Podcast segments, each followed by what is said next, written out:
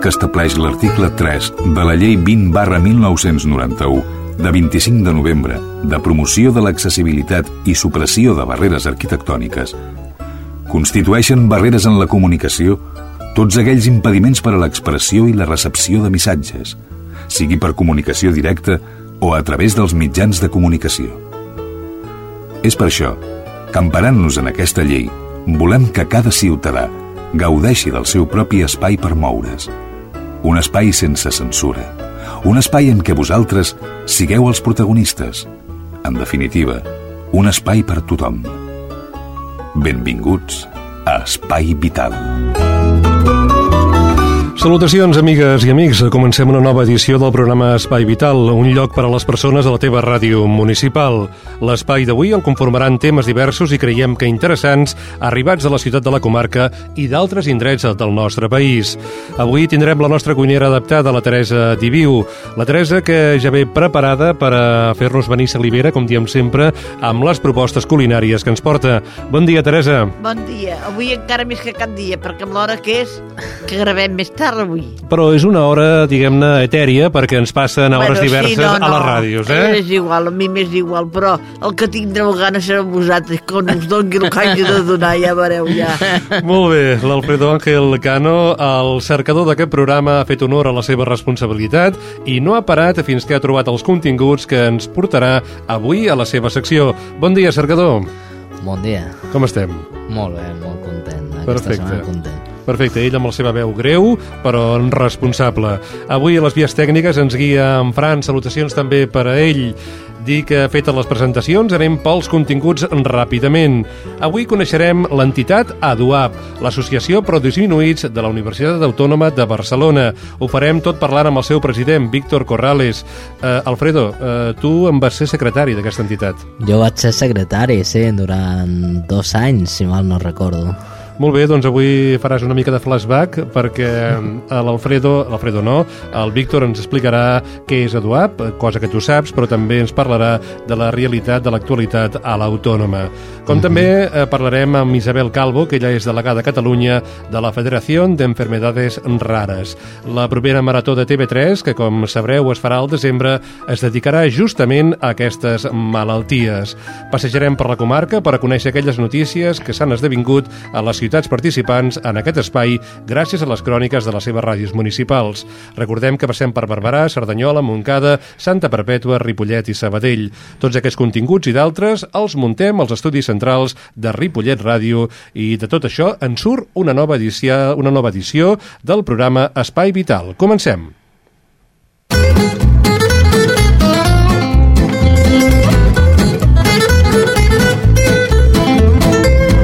Això és Espai Vital.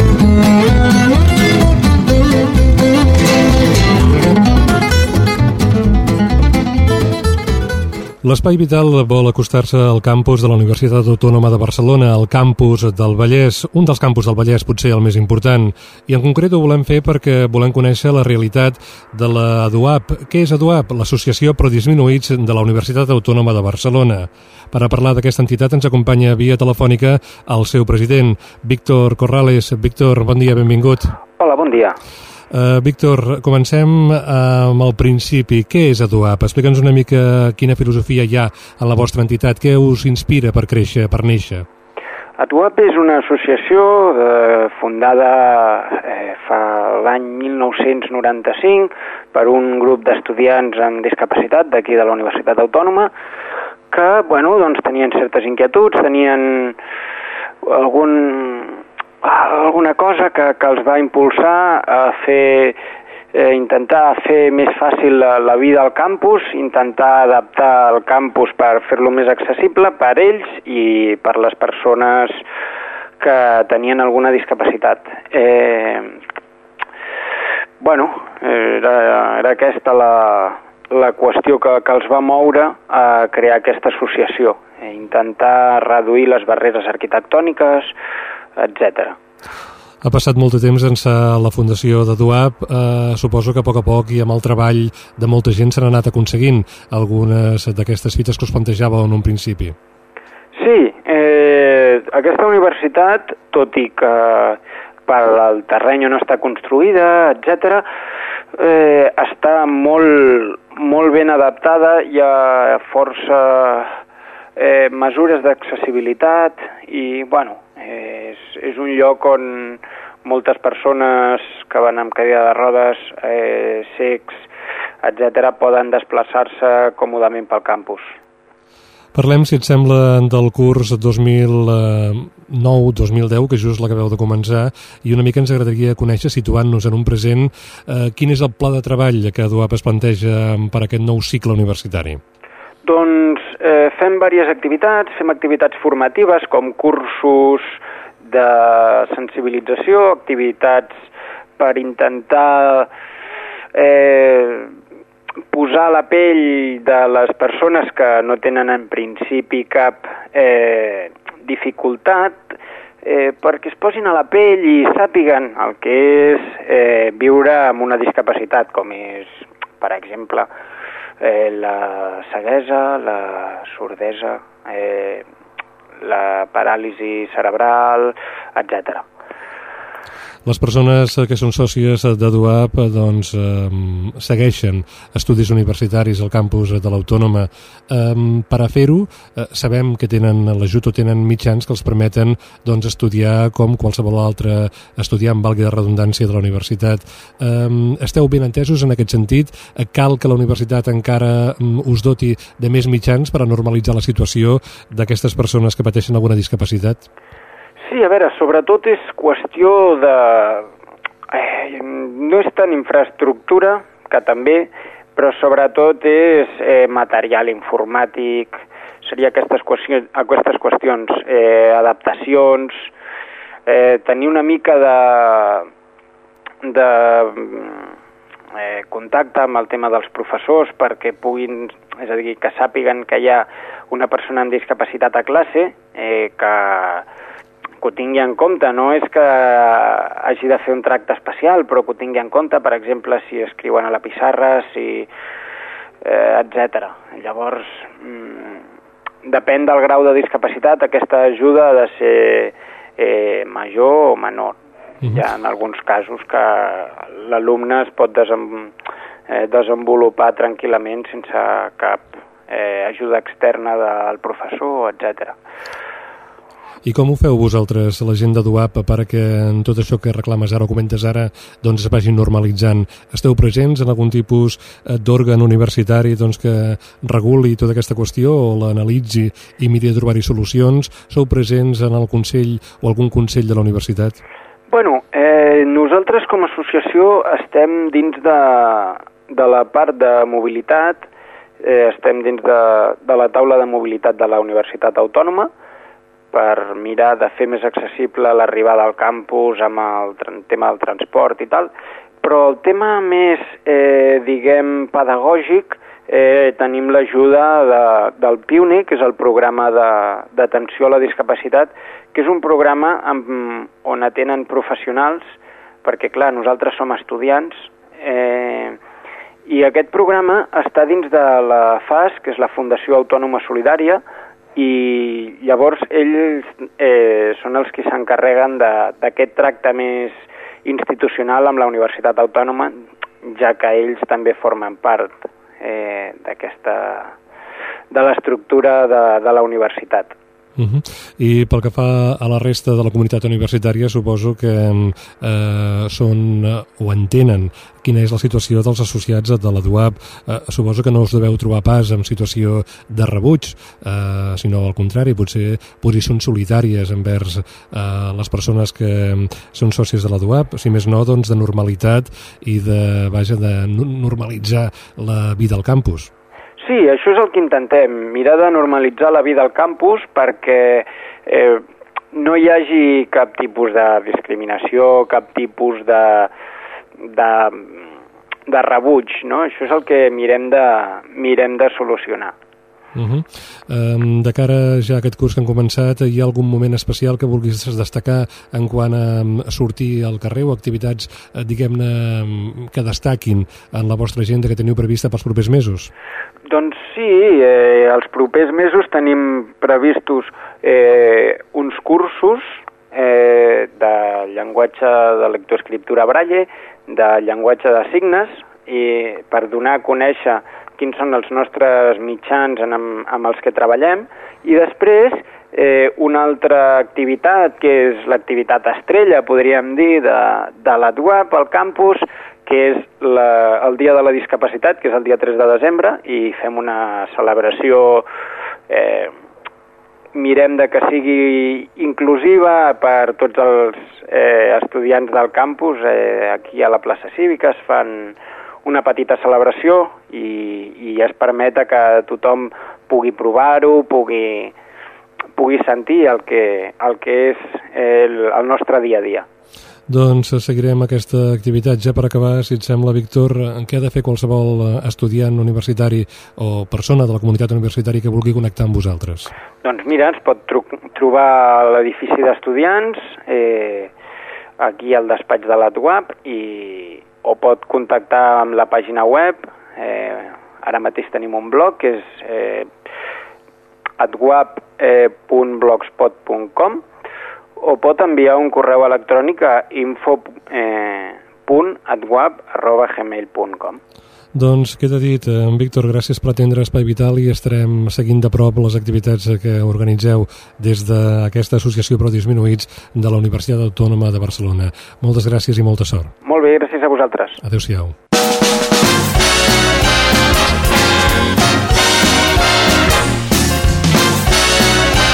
Espai Vital, el primer programa adaptat de les zones. L'Espai Vital d'avui volem presentar-vos una entitat. Es tracta de la Federació de Enfermedades Rares, la Federació de Malalties Rares, que funciona arreu de l'Estat i té una delegació a Catalunya, a casa nostra.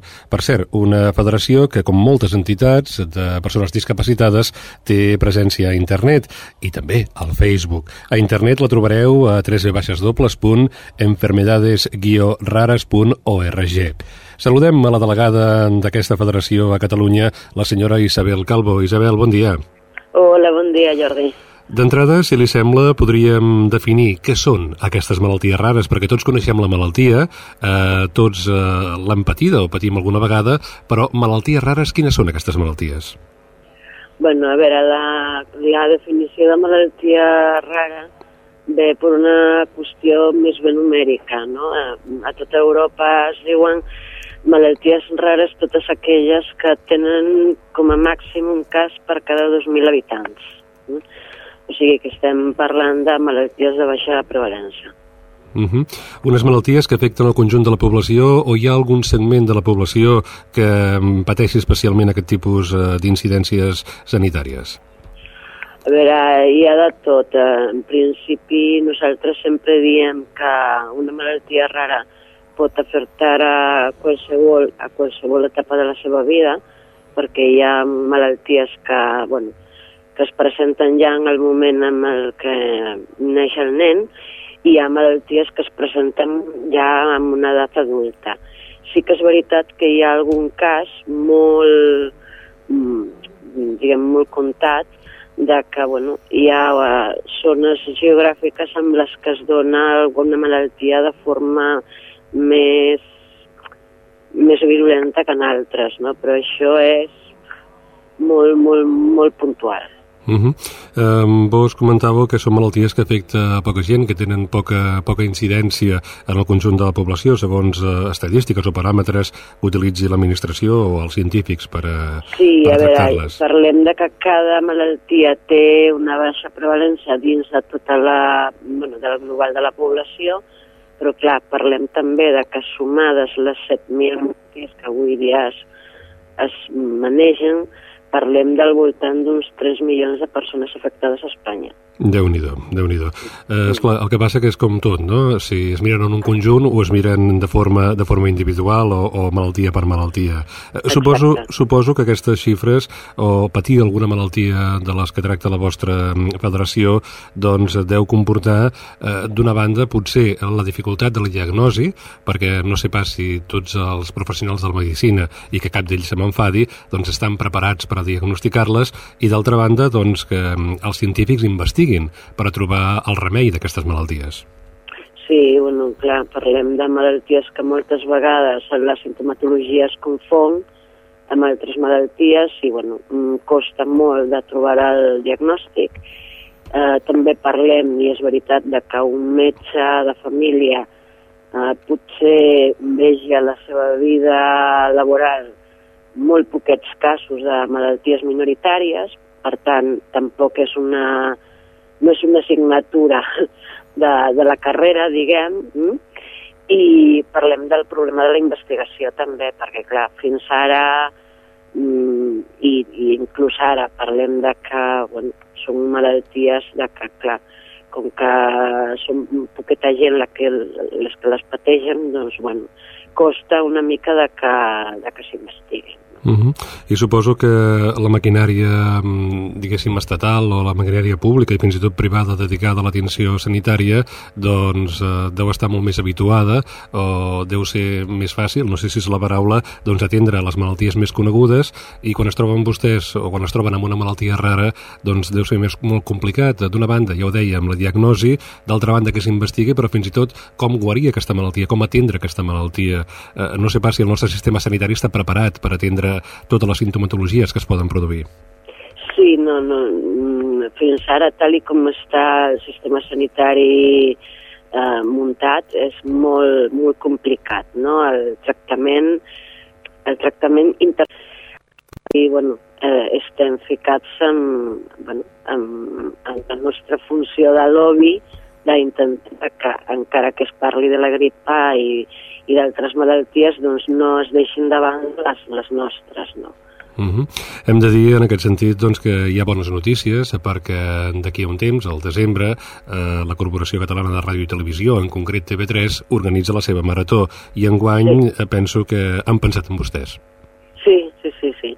Aquest any les, la, bueno, la telemarató de TV3 doncs, bueno, va dirigida a les malalties minoritàries, es va mm, posar en contacte amb nosaltres ja cap a primers d'any, doncs, bueno, per dir-nos no, que estàvem pensant en això, que com veiem el tema, i doncs, clar, a veure, nosaltres sempre ho hem demanat i, i per suposat li vam dir que sí, que comptéssim en tot el nostre suport, no? I això és el que, el que ara estem, estem fent, no? D'aquí a d'aquí al 13 de desembre, que serà el programa, doncs, bueno, farem diferents actes, doncs, bueno, per una mica sensibilitzar la població general i, bueno, per fer una mica de difusió de, de que aquest any serà, serà un programa dedicat a aquestes malalties. No? Doncs molt bé, senyora Calvo, eh, li agraïm molt l'atenció que ha tingut avui amb Espai Vital.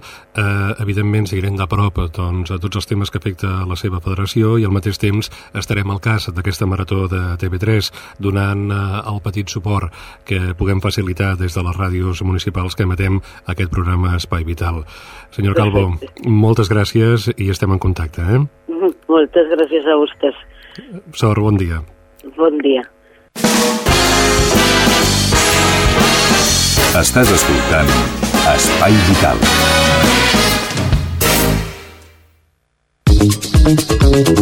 I és el moment de començar a voltar per la comarca. Ho fem, com sempre, de la mà amb el suport amb la feina feta de les ràdios municipals des d'on s'emet aquest espai vital. Comencem amb Montcada Ràdio. Allà ens espera la Sílvia Díaz. Ens explica i ens parla d'una jornada de treball dedicada al tractament de malalties mentals. Hola, salutacions a l'Espai Vital des de Montcada.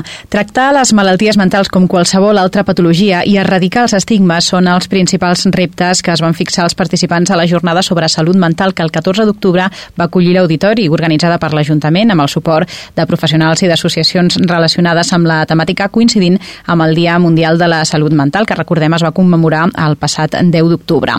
La regidora de Salut Pública i Consum de Montcada, Mari Carmen González, va remarcar que iniciatives com aquesta són un esglaó per obrir la porta de la integració a les persones que pateixen algun tipus de malaltia mental. Durant l'acte, diversos especialistes sobre la matèria van donar diferents punts de vista de la lluita contra la discriminació social dels malalts. Diuen, no són malalts malalts, estan malalts i això és molt important diferenciar-ho perquè la gent arribi a tractar els afectats com qualsevol altra persona que té una altra malaltia, com per exemple una diabetis. Això ho va exposar Adrià López, responsable dels serveis SMIC, que està adreçat a infants i adolescents. En el torn d'intervencions també van parlar José Manuel Díaz, un usuari del Club Social La Llum de Mollet, la tècnica del Pla Local d'Inclusió Social, Sonia Alcázar, i el periodista Carles Quílez, qui va opinar sobre el tractament que es fa als mitjans de comunicació dels malalts mentals. En aquest sentit, els experts van coincidir a destacar que cal ser molt rigorosos en el llenguatge utilitzat per no contribuir a l'estigmatització d'aquest col·lectiu. Doncs bé, això és tot per avui. Fins la setmana vinent. Pel corredor del Mas Duran anem cap a Santa Perpètua. L'Estrella Núñez ens hi espera i ens informa de la recollida de material sanitari que organitza l'Ajuntament. Hola a tothom.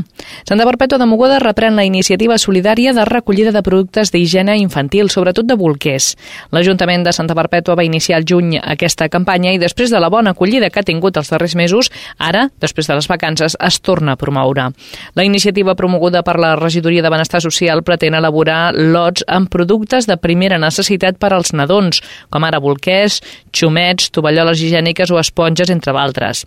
El principal objectiu de la iniciativa és recollir bolquers per a aquelles famílies més necessitades del municipi, generalment mares joves que han de cuidar-se del seu fill amb escassos ingressos. Cada mes es reparteixen a les mares aquests lots. La campanya ja ha rebut la implicació de l'ONG Càritas i de les escoles Bressol del municipi, a més dels centres cívics, que juntament amb les escoles Bressol són el punt de recollida de bolquers i productes d'higiene per al nadó. Molts pares i mares d'alumnes de les escoles Bressol també s'han implicat activament en la iniciativa. En el cas de bolquers, l'organització remarca que no cal que siguin paquets sencers, sinó que poden ser aquells bolquers que ja no s'utilitzen perquè s'han quedat petits o perquè l'infant ja no en fa servir. Protecció Civil, Càritas i els serveis socials de l'Ajuntament s'encarreguen de fer els paquets i de repartir el material a les famílies més necessitades del municipi. La regidoria de Benestar Social no ha posat una data de finalització de la campanya de recollida perquè asseguren que sempre es necessiten bolquers. El material d'higiene infantil es pot portar als centres cívics i a les tres escoles bressols municipals de Santa Perpètua. Saltem damunt del mapa i de Santa Perpètua anem a Cerdanyola Ràdio. Allà ens hi espera la Mònica González, que ens explica que la plataforma en defensa de la sanitat pública demana la convocatòria del Consell Municipal de Salut. Molt bon dia, Jordi, des de Cerdanyola Ràdio. La plataforma en defensa de la sanitat pública reclama la convocatòria del Consell Municipal de Salut. Des del moviment en denuncien que aquesta absència provoca confusió, desinformació i atempta contra el dret a la participació de la ciutadania en moments d'especial debat sobre la salut pública amb la polèmica reorganització sanitària i la situació del CAP Fontetes. També demanen la constitució de dues comissions, una de seguiment del procés de construcció i de definició del model de gestió de l'hospital i la segona de seguiment del procés de reorganització del mapa sanitari municipal, amb especial seguiment de les àrees bàsiques de salut Fontetes, Canaletes, Farigola i Serraperera. D'altra banda, des de la plataforma denuncien pressions per part de membres del CAT Salut als usuaris del CAP Fontetes perquè es traslladin al centre de la Farigola. Pel que fa a l'aprovació de la llicència necessària per enderrocar les naus industrials que s'ubiquen al sector Radosa, on s'ha de construir l'Hospital Ernest Lluc, Carles Escolar, membre de la plataforma, creu que el més important és que es construeixi d'una vegada l'hospital i que es deixin de llançar missatges de que tot funciona bé. Escolar reivindica que s'obri ja el debat sobre quin model de gestió és el més adequat pel nou equipament. Des de la plataforma aposten per un model públic. Això és tot en Des de Cerdanyola Ràdio. Us ha parlat Mònica González. L'aportació de Ripollet Ràdio, la casa on gravem aquest espai vital, la porta, la signa la Reme Herrera. Ella ens explica que l'Ajuntament de Ripollet ha posat en marxa un nou servei municipal especialitzat en temes d'estrangeria. Hola Jordi, aquesta setmana des de Ripollet us volem parlar d'un nou servei municipal d'assessorament jurídic sobre temes d'estrangeria. Es tracta d'un espai on s'informa la població de Ripollet en general, especialment la població estrangera, sobre temes d'estrangeria com ara el regrupament familiar, arrelament social, tramitacions i renovacions d'autoritzacions i tramitacions a la nacionalitat espanyola, entre d'altres. El servei, que es portarà a terme tots els dilluns de 3 a 7 de la tarda a l'Oficina d'Atenció Ciutadana, s'ha adjudicat a l'empresa Associació per l'Orientació, Formació i Inserció dels Treballadors Estrangers per una durada de dos anys anys. Aquest servei també s'encarrega de gestionar i tramitar expedients referents a temes d'estrangeria a qualsevol ciutadà de Ripollet que s'hi ho sol·liciti. També es manté informada de la població local a través d'assemblees informatives sobre els canvis legislatius importants que es produeixin a la llei d'estrangeria per tal d'evitar rumors i especulacions i canalitzar constructivament les inquietuds informatives dels estrangers. Finalment, aquest servei també tota la informació jurídico-administrativa bàsica sobre estrangeria als diferents professionals de l'administració mitjançant sessions informatives. I això és tot des de Ripollet. Salutacions i fins la setmana vinent. Seguint el Ripoll, pugem fins a Barberà del Vallès. La Judit González, des de l'emissora municipal d'aquella veïna ciutat, ens explica, ens comenta la celebració de la jornada de conscienciació sobre el càncer de mama. Bona tarda. Aquest 19 d'octubre, Barberà del Vallès s'ha sumat a la celebració del Dia Internacional del Càncer de Mama, un dia que té com a principal objectiu conscienciar la població de que un diagnòstic a temps és la millor solució per fer front a aquesta malaltia. A Espanya cada any es detecten prop de 16.000 nous casos d'aquest tipus de càncer, un cada 30 segons al món, segons l'Organització Mundial de la Salut. Les campanyes de detecció precoç, els programes de mamografia i el progressiu envelliment de la població tenen molt a veure amb això. En aquest sentit, i coincidint amb la celebració en tot el món del Dia del Càncer de Mama, la Junta Local de l'Associació Espanyola contra el Càncer a Barberà ha volgut recordar que aquesta és una malaltia que pot detectar-se a temps i per aquest motiu aquest dilluns les seves sòcies han instal·lat una taula als porxos de l'Ajuntament de Barberà del Vallès on han distribuït informació sobre la lluita contra el càncer de mama a tota la població. Tancarem la ronda a la cocapital de la comarca Sabadell des de l'emissora municipal d'aquella ciutat, a Ràdio Sabadell. La Laura Díaz ens explica com eh, l'objectiu d'una exposició organitzada per l'Avant és trencar amb els tòpics que afecten a les persones que pateixen malalties mentals. Bon dia. Trencar amb tots els tòpics que rodegen les persones amb malalties mentals. Aquest és l'objectiu principal de l'exposició que l'entitat Salut Mental Sabadell inaugura a la Biblioteca Vapor Badia de la ciutat. Un recull fotogràfic fotogràfic que mostra la quantitat de coses que pot arribar a fer aquest col·lectiu. L'exposició es titula En un país estranger, un lema que per la presidenta de Salut Mental Sabadell, Herminia Corbacho, diu molt de la situació que pateixen aquests malalts. Es diu en un país estranger perquè ells, a veure, els usuaris de salut mental caminen per la vida d'una manera eh, diferent respecte de la població. O sigui, la població el rep com, com d'altres estrangers.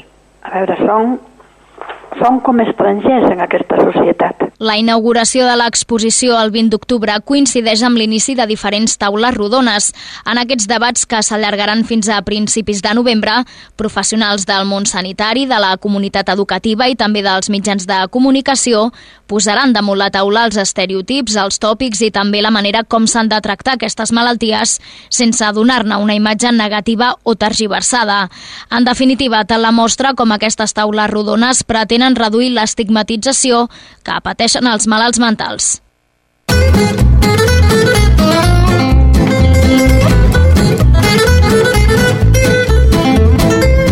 Això és Espai Vital.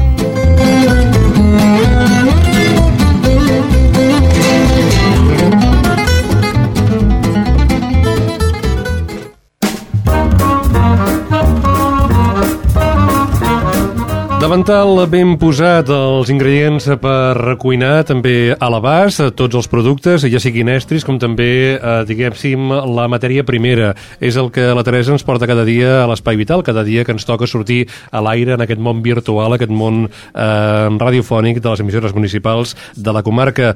Eh, Teresa, avui la cosa va d'arrossos, no? Sí, farem una paella o una cassola, el que vulgueu, adaptada i també econòmica no, es diu, o com es diu? Home, que sigui assequible a totes les butxaques, Això, no? a totes les butxaques, i no, no, perquè el temps que correm hem d'anar una miqueta... En compte, amb els En diners. compte, sí. Perquè entren, entren diguem-ne, ràpidament, però marxen també encara més ràpid, eh? Ui, jo no ho sé ara, perquè ara jo com que no m'administro res, a mi m'ho administren ells, però jo els vaig orientant per el que havia trobat jo. Escolta, què és més fàcil de fer, la paella o, o l'arròs a la cassola? Mira, això segons com tinguis. A casa ho fem amb una cassola que tenim de ferro, grossa. Perquè la paella que teníem de fer la paella, el tenir ara vitroceràmica no ens va tan bé. Aquest I és hem, el problema, eh? I hem d'agafar una cassola d'aquelles de terra, ai, de, de ferro. Mhm. I queda estupendo. Doncs vinga, som-hi. Què hi hem de posar? Quins ingredients Mira, hem de tenir tinc- a mà? Posem per quatre persones, perquè jo el que feia casa per quatre persones. Posem cinc, eh, que vingui l'Alfredo, no? Bueno, jo- amb el- jo m'apunto, eh? Ja ho saps. Jo donaré per quatre. Quatre ales de pollastre. Quatre gambes. De les que vulgueu vosaltres. N'hi ha de grosses, petites i mitjanes, les que vulgueu vosaltres. I poseu 200 grams de calamars. Mireu la peixatera, que us ho netegi i us ho faci tallets. Necessitareu tres tomàquets. Si som grossos en dos tomàquets madurs ja en tindreu prou. Un tros de pebrot vermell, un dent d'all, una fulla de llaurer, sal i un safrà. I un cas que veiéssiu que us queda massa, que, no queda, que us falta una mica de consistència, també podeu posar-hi el que us agradi, una miqueta de pastilla de- d'aquelles concentrades també. També un 50 grams de, de pèsols, i em sembla que res més perquè ja no m'hi veig el que hi he escrit perquè com que no m'hi veig ja me Però segur, segur que ho saps, eh? Perquè ho has fet oh, de moltes memòria, vegades. ui, i tant. Mira, comencem a posar la paella a foc amb la cassola, amb oli. Jo primer poso el gra d'all i la fulla de llaurer, que es fregeix una miqueta, que així agafa tot més consistència. Com veieu que l'all s'hagi enrossit una miqueta, ja el podeu treure. I allà hi poseu les gambes, que es fregeixin. Els caps els aixafeu una miqueta amb la forquilla, que deixin anar aquell suquet, que així queda més bo l'arròs. Com veieu que ja pels dos cantons s'ha fregit una miqueta, ja el podeu apartar en un plat. En quart hi poseu allà doncs, les ales de pollastre. Aneu al tanto que no us cremeu, que hi ha quatre esquits al posar-ho. Ho poseu i tireu una miqueta de sal per sobre. I aneu fregint a poc a poc, aneu fregint.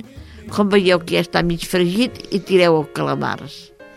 Li doneu unes quantes voltes, aneu al tanto que el calamars esquitxa molt. Ho tapeu i poseu mig, allò mig foc, fluixet, que es vagi fent mica en mica. Com veieu, se senti la, la cassola o la, la paella que es patega els, el calamar, és que ja, ja està fet. Ja fluixeu, aparteu-ho i ho traieu també amb l'espàtula amb un plat. En quant hi poseu el tomàquet ratllat i el pebrot també ratllat. El pebrot el ratlleu per la banda de sota que us anirà més bé. I ho poseu a la paella, que fregir les coses, allà que es fregeixi aquell tomàquet i aquell pebrot.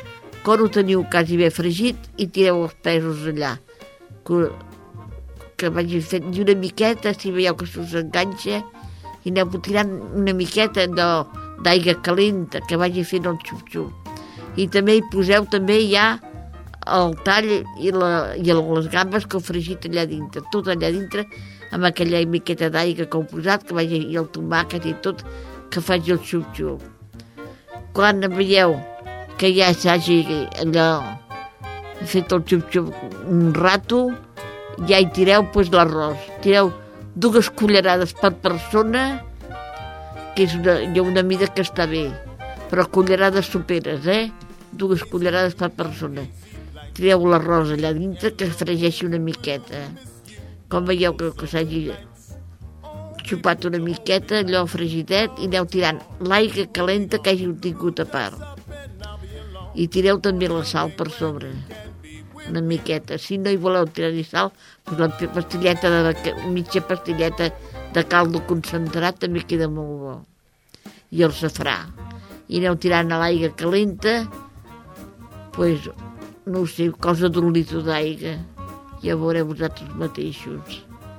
I el deixeu que es cogui, proveu-lo de sal, i si no, n'afegiu. Espero que us hagi agradat.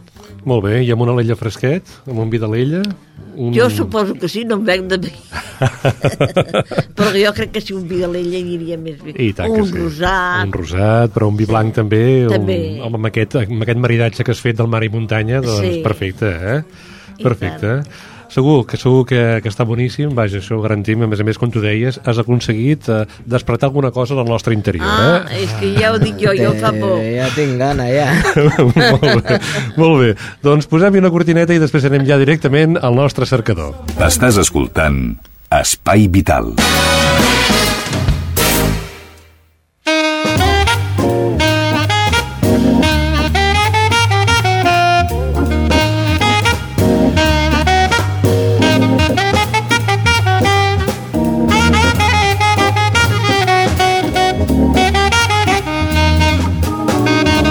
I el cercador el tenim per aquí, que està vaja enfilat a les parets perquè té una gana que no s'hi veu, eh? Sí, sí, sí, m'ha entrat una gana amb la paella que ha fet la Teresa. Un altre dia hem de posar un fogó aquí i tu va, jo em vaig dient els ingredients a la tinto. Molt Ah, bé. això molt està bé. fet. Molt bé, llavors ho fem en directe, no? També Ho fem en allò directe. amb streaming, ho fem perquè la gent ho vegi a través d'internet i, i vegi si realment l'Alfredo Ángel té habilitats culinàries. Jo en No tot cas moltes, ho tasto, eh? jo en tot cas ho tasto, eh? Alfredo, has fet la teva feina de cercador i has buscat notícies interessants que s'han publicat al blog d'Espai Vital. Recordem que l'adreça és allò de la http, dos punts, barra barra, 3 v baixes dobles punt, ràdio guió espai guió vital punt blogspot.com eh, Quines notícies has seleccionat per a, mm, vaja, que ens informis a la gent que escoltem l'Espai Vital? Mal d'acord, primer ens n'anem cap a Madrid, concretament cap a Barajas, on unos artistas discapacit- discapacitados sorprenden a los viajeros de Barajas con su arte. Los artistas con discapacidad intelectual se han propuesto sorprender con sus obras a los viajeros que pasen por el aeropuerto de Madrid-Barajas a lo largo de este mes de octubre. Sofás, trajes, pinturas, esculturas, proyecciones de vídeo y fotografías componen la muestra Déjate sorprender, instalada ya en el pasillo de la T2 que conduce a la boca del metro del aeropuerto y que mañana será inaugurada por sus promotores y asociaciones, Afanias y Apafam. La, la exposición que hace llegar al público una forma de expresión diferente y con un gran nivel de calidad y significado, será abierta con una degustación de productos elaborados por personas con discapacidad que trabajan en un centro especial de empleo. Paralelamente a la muestra, se ha programado una serie de actuaciones en vivo, entre la que destaca una actuación de un grupo de tambores de pozuelo, de percusión, un aula de baile, de danza y talleres de imagen, pintura, encuadernación ar- artesanal y costura artesanal. Molt bé, doncs una altra notícia. Sí, ahora ens n'anem cap a la Gran Bretaña. Un británico con discapacidad se prepara para ser monitor de escalada. Nick Royal, un británico de 36 años con un tiempo de parálisis cerebral progresiva que lo obliga en ocasiones a utilizar la silla de ruedas, se propone a convertirse en uno de los primeros monitores con discapacidad de escalada en interior, en recódromo para ser exactos, según informó la BBC a través de su página web. Si lo consigue, proyecta crear clubs para promover la práctica de este deporte entre las personas con discapacidad, ya que su opinión esta actividad puede ayudarles a mejorar el equilibrio, la coordinación, la forma física y la confianza. Molt bé. I la tercera informació? El Congreso quiere una televisión subtitulada en el 2010. Perfecte, però en aquest cas per atendre les persones amb alguna discapacitat. Efectivamente. El anteproyecto de ley audiovisual elaborado por el Gobierno establece que el 90% de la programación deberá ser accesible para los sordos en el 2013. Antes del apagón analógico de, de abril del 2010, al menos de seis meses para la implantación definitiva de la TDT, el Congreso ha aprobado una proposición no de ley del Partido Popular por la que insta al gobierno a promover el subtitulado completo de la televisión española. El anteproyecto de la ley audiovisual que este viernes debería pasar por el Consejo de Ministros establece unos plazos que acabarían en el 2013 con el 90% de la programación subtitulada. Doncs molt bé, amb aquesta notícia nosaltres ja pràcticament arribem eh, a la fi del programa d'avui. La setmana vinent continuarem. Espai Vital doncs, seguirà a la vostra ràdio municipal. Anunciem l'emissió d'una entrevista amb els responsables de l'Assemblea Comarcal Cerdanyola-Ripollet-Moncada de la Creu Roja, en la qual ens informaran dels cursos que organitzen per a formar personal especialitzat en atenció a les persones. Recordeu que Espai Vital és present a la xarxa a través d'un blog localitzable a l'adreça www.radio-espai-vital.blogspot.com Si voleu suggerir-nos temes, aportar comentaris, fer-nos crítiques, per què no, o connectar amb nosaltres, podeu fer-ho a través del mail radioespaivital arroba telefònica.net o al Facebook, que també tenim eh, plana eh, oberta en el Facebook que controla el nostre cercador, l'Alfredo Àngel. Gràcies a totes i a tots i marxem de la mà de la música dels Antonio Font. Adeu-siau, fins a la setmana vinent.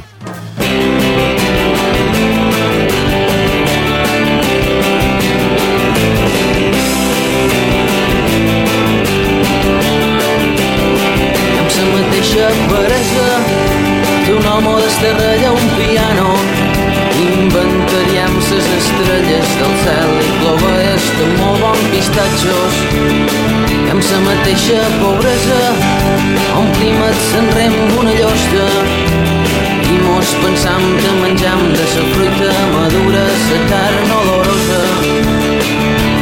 I és igual si ja no mos queden pessetes perquè robam el paper higiènic de sa biblioteca de l'excel·lentíssim Ajuntament de Lloseta.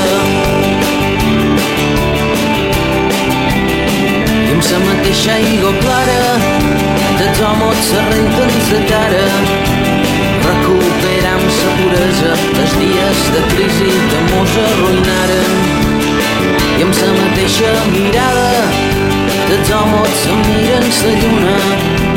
Nosaltres miram la parola els vidres que sonen a gotes de pluja.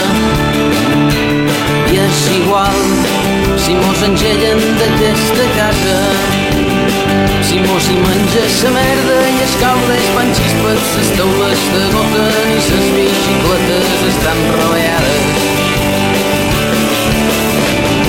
Viure et sobreviure el futur parabòlic amb atletisme d'imbècil i equilibrisme del còdic.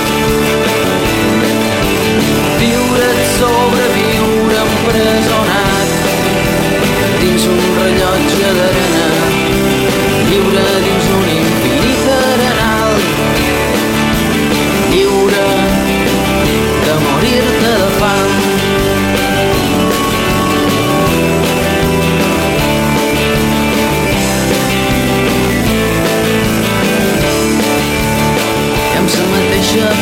peresa d'un home i un piano. Inventaríem ses estrelles del cel i clovelles de molt bon pistatxos. I amb sa mateixa pobresa omplim et s'enrem una llosta i mos pensam que menjam de sa fruita madura sa carn olorosa. I és igual ja no mos queden pessetes perquè robam el paper higiènic de sa biblioteca de l'excel·lentíssim Ajuntament de Lloseta. Viure et sobreviure el futur parabòlic en atletisme d'imbècil i equilibrisme del còlic. Viure et sobreviure empresonat dins un rellotge d'arena, viure dins un infinit arenal. Viure't sobre viures futur per parabòlic, amb atletisme d'imbècil i equilibrisme del poli. Viure't sobre viure empresonat, dins un rellotge d'arena, lliure